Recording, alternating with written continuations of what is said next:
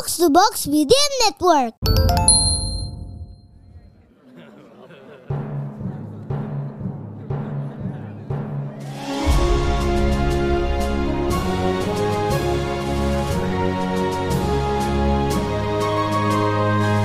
Perhatian, perhatian. Dongeng Paman Geri akan segera dimulai. Semua anak dipersilahkan untuk berkumpul.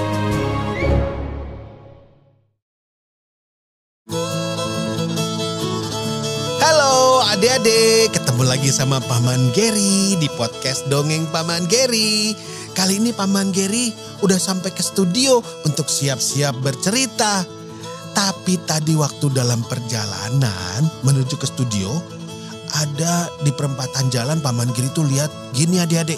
Kan kalau misalnya ada lampu merah, semuanya harusnya berhenti kan? Eh, masa ada orang-orang yang maunya jalan aja terus klakson-klakson ten ten ten. Kan nggak boleh kan? Iya loh, kalau lampunya warnanya merah, kita harus berhenti. Terus kapan boleh jalan lagi? Nanti kalau lampunya warnanya hijau. Nah, itu tentang rambu-rambu lalu lintas. Tapi kali ini ada juga ceritanya tentang yang selalu ingin dulu-duluan, ingin susul-susulan, dan saling tidak mau kalah. Yaitu cerita tentang dua ekor ayam.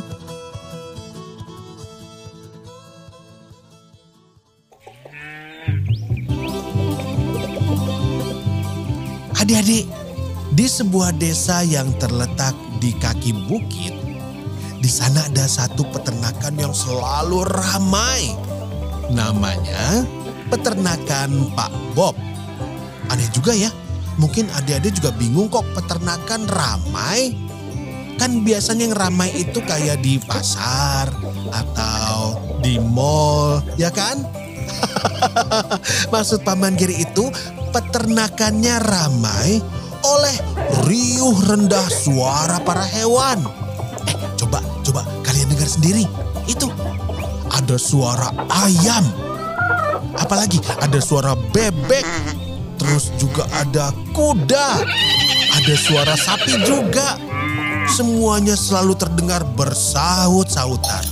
Itu karena di peternakan ini memang hewannya banyak sekali.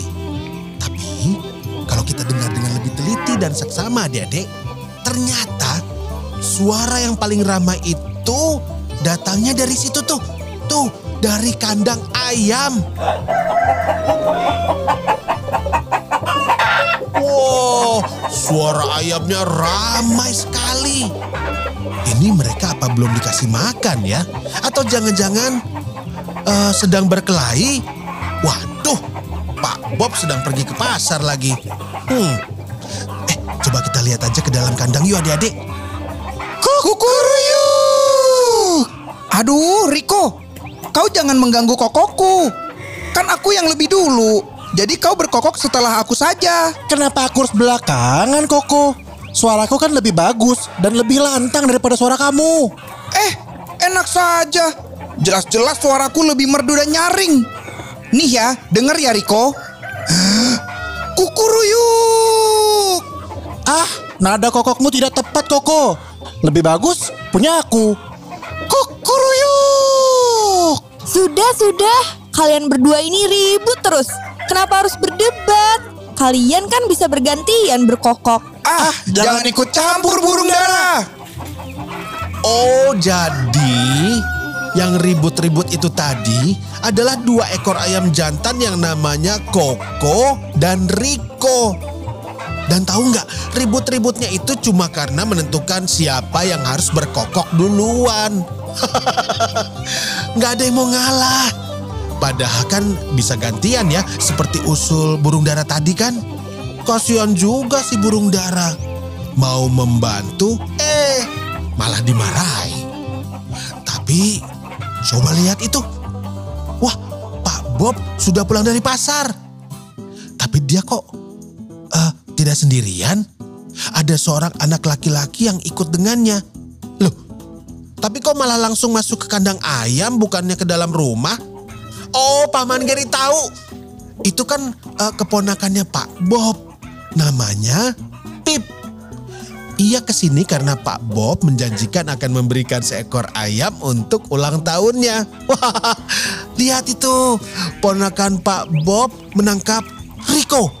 Lalu memasukkannya ke kurungan kecil dari anyaman bambu. Lalu keluar dari kandang ayam itu dengan tersenyum lebar. Setelah berterima kasih pada Pak Bob, Pip pulang membawa Rico. Riko pergi begitu tiba-tiba. Kita bahkan tidak bisa mengucapkan selamat tinggal. Ah, biar saja. Begini malah bagus. Jadi tak lagi ada yang menyaingi suara kokoku yang merdu ini. Hahaha. Sekarang kau bisa berkata begitu, Koko. Kita lihat saja nanti. Beberapa hari lagi, kau pasti akan merasa kehilangan. ah, tidak akan. Tidak mungkin. Kukuruyuk. Akulah yang terhebat.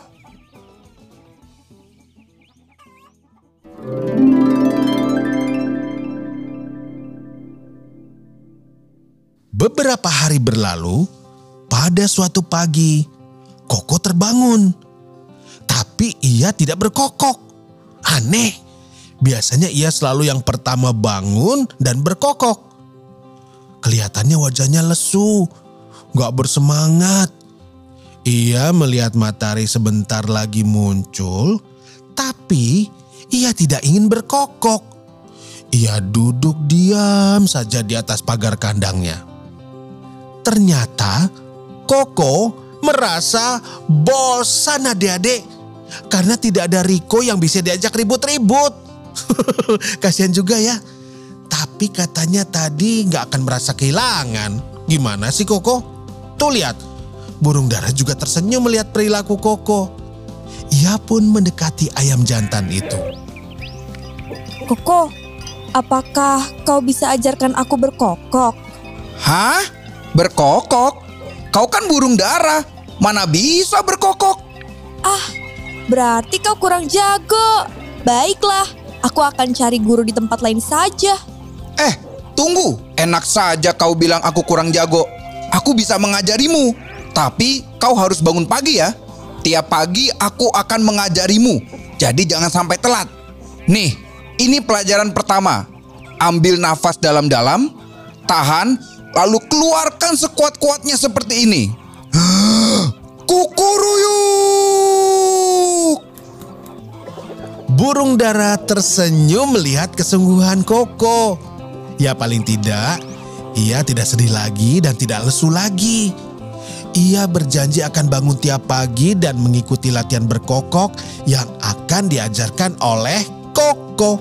Wah, burung dara itu ternyata teman yang baik adik-adik. Ia minta diajarkan berkokok hanya supaya Koko mau berkokok dan semangat lagi setiap pagi. Hebat ya si burung dara. Itu baru namanya teman yang baik dan juga kreatif. Padahal ya mana ada burung dara bisa berkokok. Dan sejak saat itu Koko dan burung dara berteman baik. Ya kadang-kadang juga ribut juga. Tapi ya nggak apa-apa. Namanya juga berteman. Kadang-kadang akur, kadang-kadang ribut. Asal ributnya jangan lama-lama ya adik-adik ya. Nanti ah, baikan lagi dan berteman lagi. Gitu. Yeay, dongengnya sudah selesai. Jumpa lagi di dongeng Paman Geri selanjutnya.